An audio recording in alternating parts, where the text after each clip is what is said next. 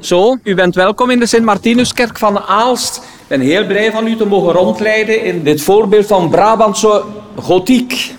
We wandelen met deken Mark Verwaren rond in de Sint-Martinuskerk in Aalst. Moet ik mijn naam al zeggen en zo en dergelijke meer? Of gewoon wat zeven? De kerk lijkt meer op een bouwwerf, want er zijn gigantische renoveringswerken aan de gang. Ik ga graag met u eens langs daar, aan het stuk waar het gerestaureerd is. De Sint-Martinuskerk is ook de plek waar priester Daans regelmatig de mis las. Voilà. Dit is eigenlijk het deel waar we hier nu komen, waar dat de kledij van de priesters hangen in de verschillende kassen. Hier vind je hele mooie kledij trouwens. Hè. Je ziet dat ze door wit kleden worden. Hier zit je de koormantel die we gebruiken bij officiële gelegenheden, zoals het lof of als het tedeum er is. Hè, met, een, uh, met speciale attributen daar allemaal bij. De speciale gewaden van de priester hoorden bij de kerk. Dus? Ongetwijfeld zal priester Daan sommige daarvan gedragen hebben. De mooiste vermoed ik dat door de deken zullen gedragen uh, zijn. Uh, want Daans was onderpastoor, uh, zal bijkledij gedragen hebben, maar hij zal ongetwijfeld sommige van deze kledij ook gedragen hebben. Ongetwijfeld, ja. Dat betekent ook, want ik ben niet van de grootste, dat ik soms terzelfde tijd de kerk kuis als ik rondga met bepaalde kledij. Mooi, hè? Dit is Daans. Een podcast over het Daansisme, het leven van de gebroeders Daans en de invloed van de Christenen Volkspartij op het politieke en sociale leven in Aalst en ver daarbuiten. Ik ben Ella Michiels. Aflevering 3. De kerk. De eerste zondag van juni is altijd Daansdag, een Daansviering in de kerk. En daar wordt een bijzonder spreker uitgenodigd. De eerste keer dat ik het zelf meegemaakt heb, was al direct prijs, was het Monsieur Leonard, de toenmalige aartsbisschop, die we hier dan ontvangen hebben en die het woord genomen heeft. En dat heeft op mij ook wel indruk gemaakt, want ja, nadien heb ik zelf uh, mogen de homilie houden, twee jaar nadien ook trouwens. En dat heeft mij ook geïnspireerd wat Monsieur Leonard heeft gezegd. Hij heeft onder andere gezegd, hij had nog niet het boek gelezen van Louis Paul Beau, uh, van Pieter Daans. En hij heeft toen verteld in zijn homilie dat hij dat gelezen had. En dat, ik had het boek ook nog niet gelezen. Ik kan mij natuurlijk niet permitteren om deken van Daans te zijn en dat boek niet te lezen. Maar het was door Monsieur Leonard dat ik zelf ook geïnspireerd werd om dit boek te lezen. En het heeft mij veel sterker inderdaad ook aangegrepen. Omdat je ook bepaalde straten die worden beschreven, bepaalde wijken die worden beschreven, je kent die. Je kent sommige families zelfs nog. Maar het mooie aan het verhaal van Monsieur Leonard die er was, heeft letterlijk gezegd, hoedje af voor Daans. Hoedje af voor Daans. Hij heeft eerbetoon gebracht aan priester Daans, heeft eerherstel gebracht na zoveel jaren. Want priester Daans zelf, in zijn periode hier in Aalst, is, heel sterk in onmin geleefd met de kerk. Hè? Met monsieur Stillemans. Hij heeft het verbod gekregen om nog in het openbaar te prediken, om nog in het openbaar de mis te doen. En dat zal voor Daan zelf niet gemakkelijk geweest zijn. Dus het hoeft ook niet te verwonderen dat hij soms wel eens in conflict kwam met mensen van zijn overheid, met, ook met de kerkelijke overheid. Dat is ook heel duidelijk geweest. Het was wel gebruikelijk dat een priester een politieke functie uitoefende maar zelden voor een partij die openlijk oppositie voerde tegen de katholieke partij. De katholieke partij werd bang en probeerde koste wat het kost om Daans te ontmoedigen. De overste van Daans, bisschop Stillemans, stond onder constante druk. Dat vertelt stadsgids Lutgarde. Er zijn dan weer gemeenteraadsverkiezingen in 1895. En dan is men zo bang vanuit conservatieve hoek dat wat Daans bewezen heeft met die parlementsverkiezingen van 1894, dat hij dat nu weer gaat bewijzen op gemeentelijk vlak. En dan merk je dat alle kanonnen in de aanslag staan om te zorgen dat dat niet kan gebeuren. En bijvoorbeeld is het dan Woeste en Leopold II die brieven schrijven naar Rome, omdat ze hopen dat er vandaar een teken gaat komen om Daans aan kant te zetten. En hun idee is, als hij als priester een vermaning krijgt vanuit Rome, dan zal hij ook opgeven om nog langer aan politiek te doen. En een man die daar een heel vuile rol in gespeeld heeft, is natuurlijk Leo de Bethune. Leo de die de Congo-secretaris aanspreekt van de koning, en dat was van Eetvelde, en die hem zegt, ja, we moeten daar een oplossing vinden om dat probleem Daans van de baan te krijgen. Zou jij niet eens kunnen zorgen dat de nuncius op bezoek komt en dat aan hem kan voorgesteld worden van de baas aan te spreken in Rome met het verzoek om daar uh, Daans op het matje te roepen in Rome.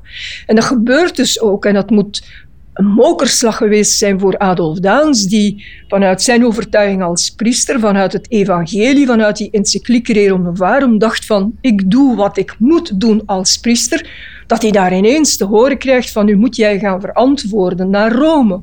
En het is zijn broer Pieter die hem daar zegt: Ja, jou treft geen schuld, jij staat recht in je schoenen, zet je aan een bureau, maak daar werk van een verdediging, ga naar Rome met al die argumenten. En de paus, dat is geen dommerik, die zal het wel snappen.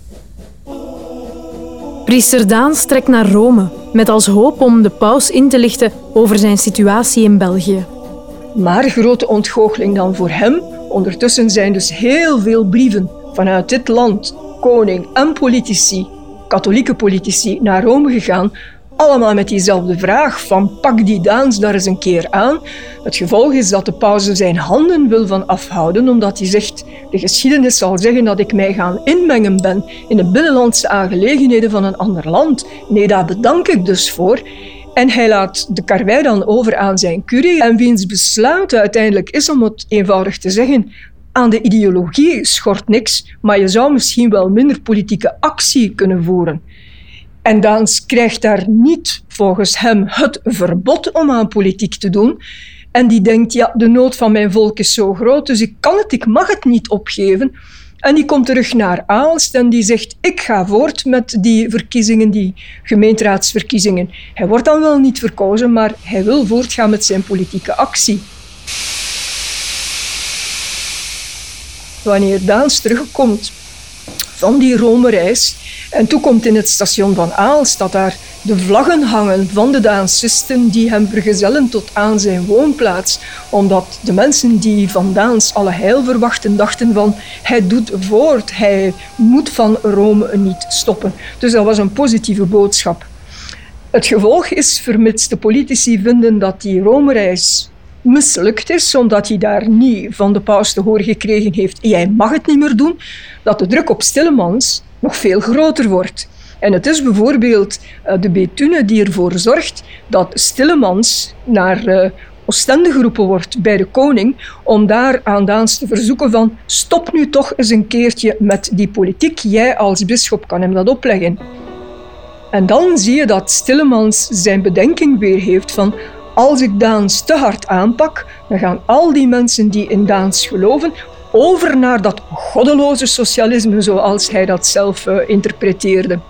Dus daar wou hij niet op ingaan om hem nog verder te straffen. Het blijft bij een vermaning.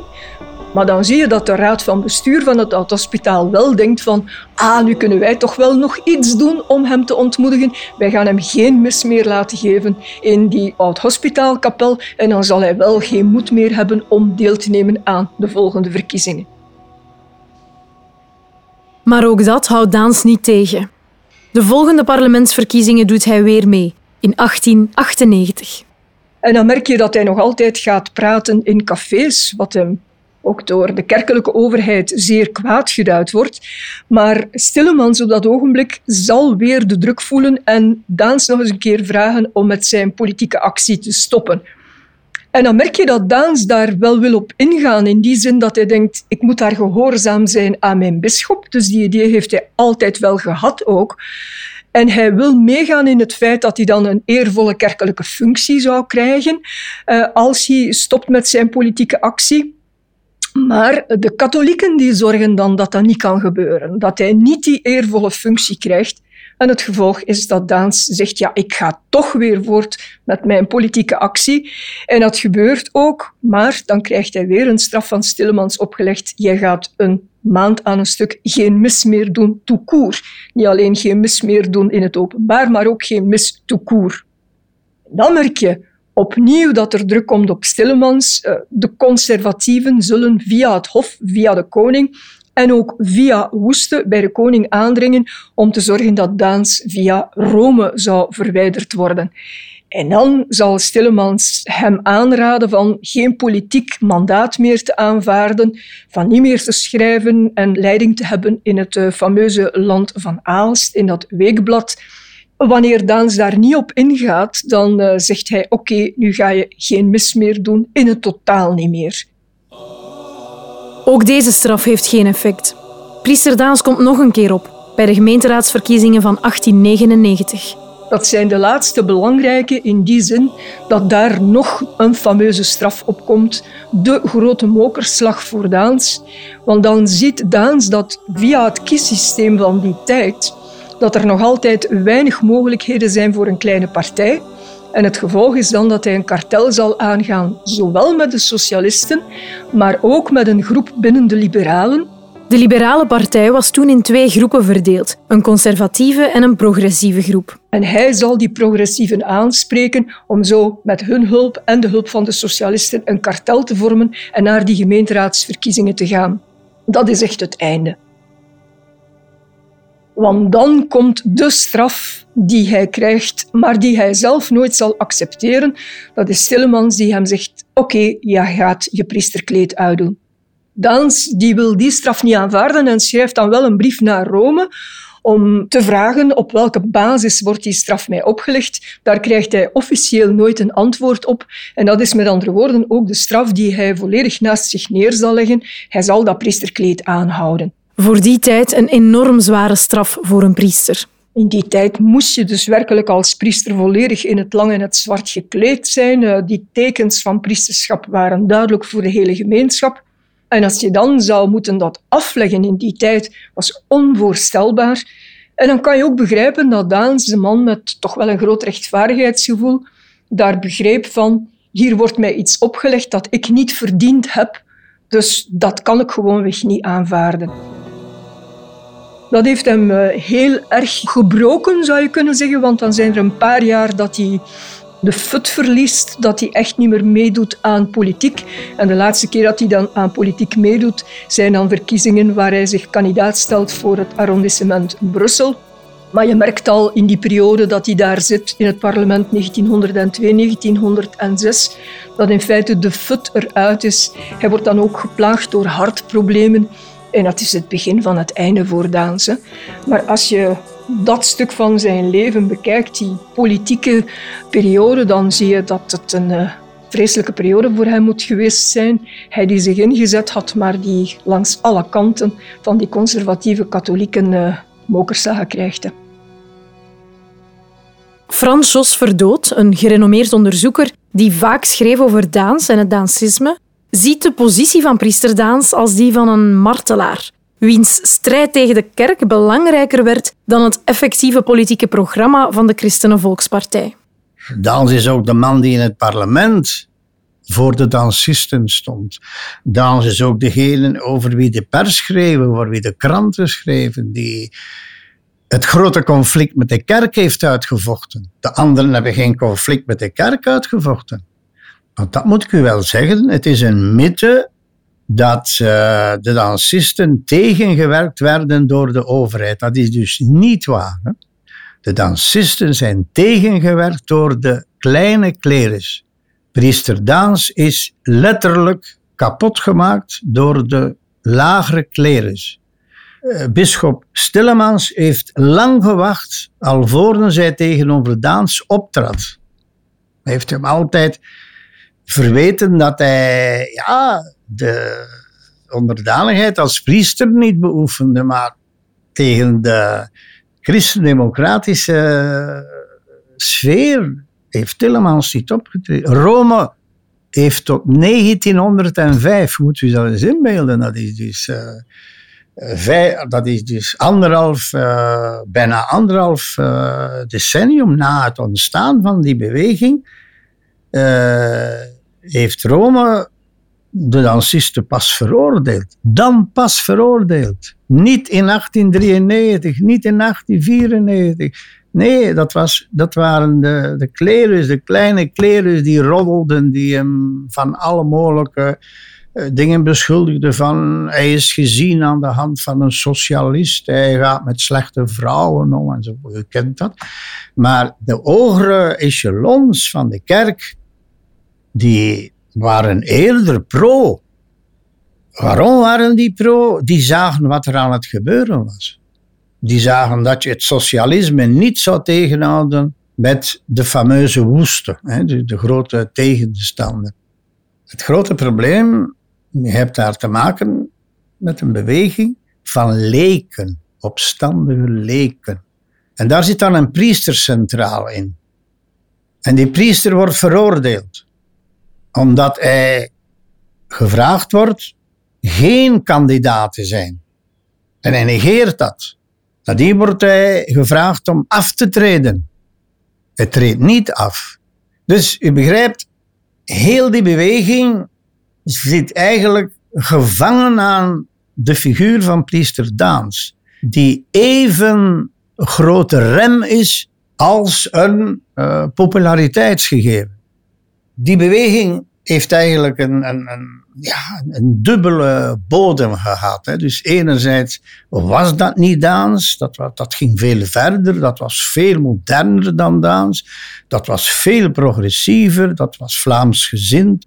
Maar priester Daans is door zijn priesterlijke opstandigheid, zijn ongehoorzaamheid, zijn vasthouden aan zijn ambt, is hij natuurlijk het symbool geworden van de martelaar. Het pardoneren door monseigneur Leonard was symbolisch en voor sommigen van weinig belang. Maar deken Mark ziet er wel de waarde van in. Hij heeft geformuleerd dat hij het jammer vond dat men Daans vanuit de kerkelijke overheid toen niet meer heeft begeleid, toen niet meer heeft geluisterd, niet meer in dialoog gegaan. De overheid met de mensen, met de priesters, en meer naar elkaar luisteren om op elkaar standpunten beter te begrijpen. En dat is ongetwijfeld ten tijde van Daans te weinig gebeurd. Dat het spijtig is dat de kerkelijke overheid niet meer in gesprek is gegaan, niet meer heeft durven luisteren of willen luisteren, hem niet meer heeft begeleid in zijn koppigheid. Wellicht was daar meer uit te halen er was meer mee te doen geweest met de rijkdom van de figuur van Daans ongetwijfeld. Profeten, dat is van alle tijden. Profeten hebben we altijd nodig. Dat was in het Oude Testament zo. Jezus was een profeet. We hebben kerkvaders gekend, we hebben pausen gekend, we hebben bisschoppen gekend, gewone kerkmensen gekend die profetische aanklachten formuleren tegenover wantoestanden die er waren. En dat is van alle tijden. Maar profeten worden natuurlijk niet graag gezien, want die schoppen tegen de schenen. Dat is het steentje in uw schoen, dat blijft voortdurend knagen en u zeggen, dat is niet goed wat hier gebeurt. We moeten daar iets aan doen. En in die zin was Daans daar heel gevoelig voor. Die voelde dat dit niet kon, dat hier dingen gebeurden, ook in Aals, waar mensen aan hun lot werden overgelaten. En daar heeft hij voor op tafel geslagen. En dat is heel belangrijk, denk ik. Dat we dat durven erkennen. En daarom is het zo belangrijk dat in eer is hersteld. Te laat na de feiten, maar het is gelukkig toch gebeurd. Dit was Daans. Met de stem van Mark Verwaren, Frans Verdood en Lutgarde de Ridder. Deze podcast kwam tot stand met steun van Erfgoedcel Denderland, het Priester Daansfonds en de Vlaamse Gemeenschap. Muziek Frederik de Klerk. Regie en montage Wederik de Bakker. En ik ben Ella Michiels. Vond je deze podcast interessant? Vertel het zeker verder. In de volgende aflevering het overlijden van priester Daans en wat hierdoor verandert in het Daansisme. Ik herinner me de foto's. Maar alle soorten foto's op zijn sterfbed, in zijn glorie en ook afgetakeld. Tot de volgende keer.